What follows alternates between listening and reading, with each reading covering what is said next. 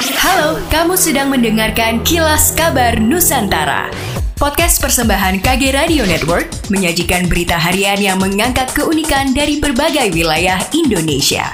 Kilas Kabar Nusantara dapat juga didukung oleh pengiklan loh. Selain box culvert, Pemkot Surabaya mulai keruk saluran Brangang antisipasi musim hujan.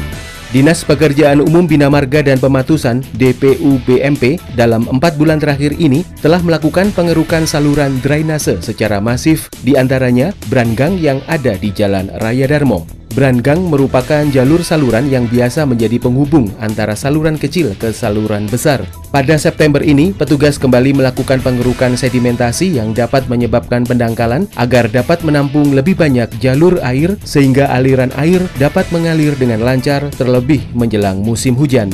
Wakil Wali Kota Surabaya Armuji pada satu kesempatan sempat meninjau langsung proses pengerukan Brangang seperti yang ada di Jalan Raya Darmo Surabaya. Wawali menyampaikan, selain box culvert, kegiatan pengerukan seperti ini rutin dilakukan termasuk untuk jalur saluran pada Brangang sebagai bentuk antisipasi datangnya musim hujan.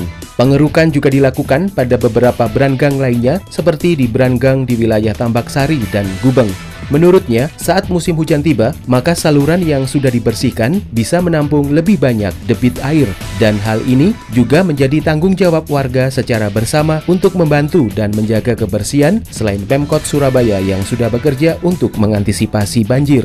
Dalam kunjungannya, Armuji juga memberikan semangat dan terima kasih kepada petugas yang sedang bekerja melakukan pengerukan di Brangang Darmo Kali, berlanjut membagikan nasi bungkus dan turut makan siang di lokasi kunjungan saat jam istirahat tiba.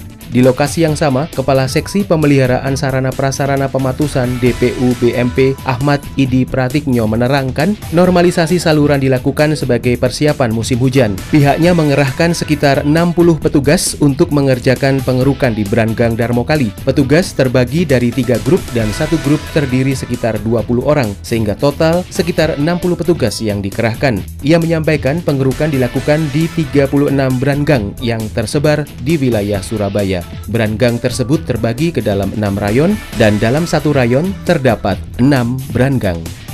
Indeks Kualitas Lingkungan Hidup IKLH Kalimantan Selatan ditargetkan mencapai 70 poin pada tahun ini, di mana pada tahun lalu IKLH Kalimantan Selatan hanya menyentuh angka 68,43 poin dengan perbandingan nilai indeks di tahun 2019 hanya 61,94 poin. Kepala Dinas Lingkungan Hidup Kalimantan Selatan Hanifah Dwi Nirwana menjelaskan, pencapaian nilai IKLH di tahun lalu telah melebihi target rencana pembangunan jangka menengah daerah RPJMD tahun 2020 sebesar 63, 5 poin. Namun Hanifah mengaku pihaknya akan mengoreksi target nilai yang tercantum dalam dokumen RPJMD tahun 2021 di angka 64 poin. Untuk mencapai target tersebut diakuinya bukan hal mudah karena banyaknya indeks yang harus dijaga seperti indeks kualitas air, indeks kualitas udara, indeks kualitas tutupan lahan, serta indeks kualitas air laut.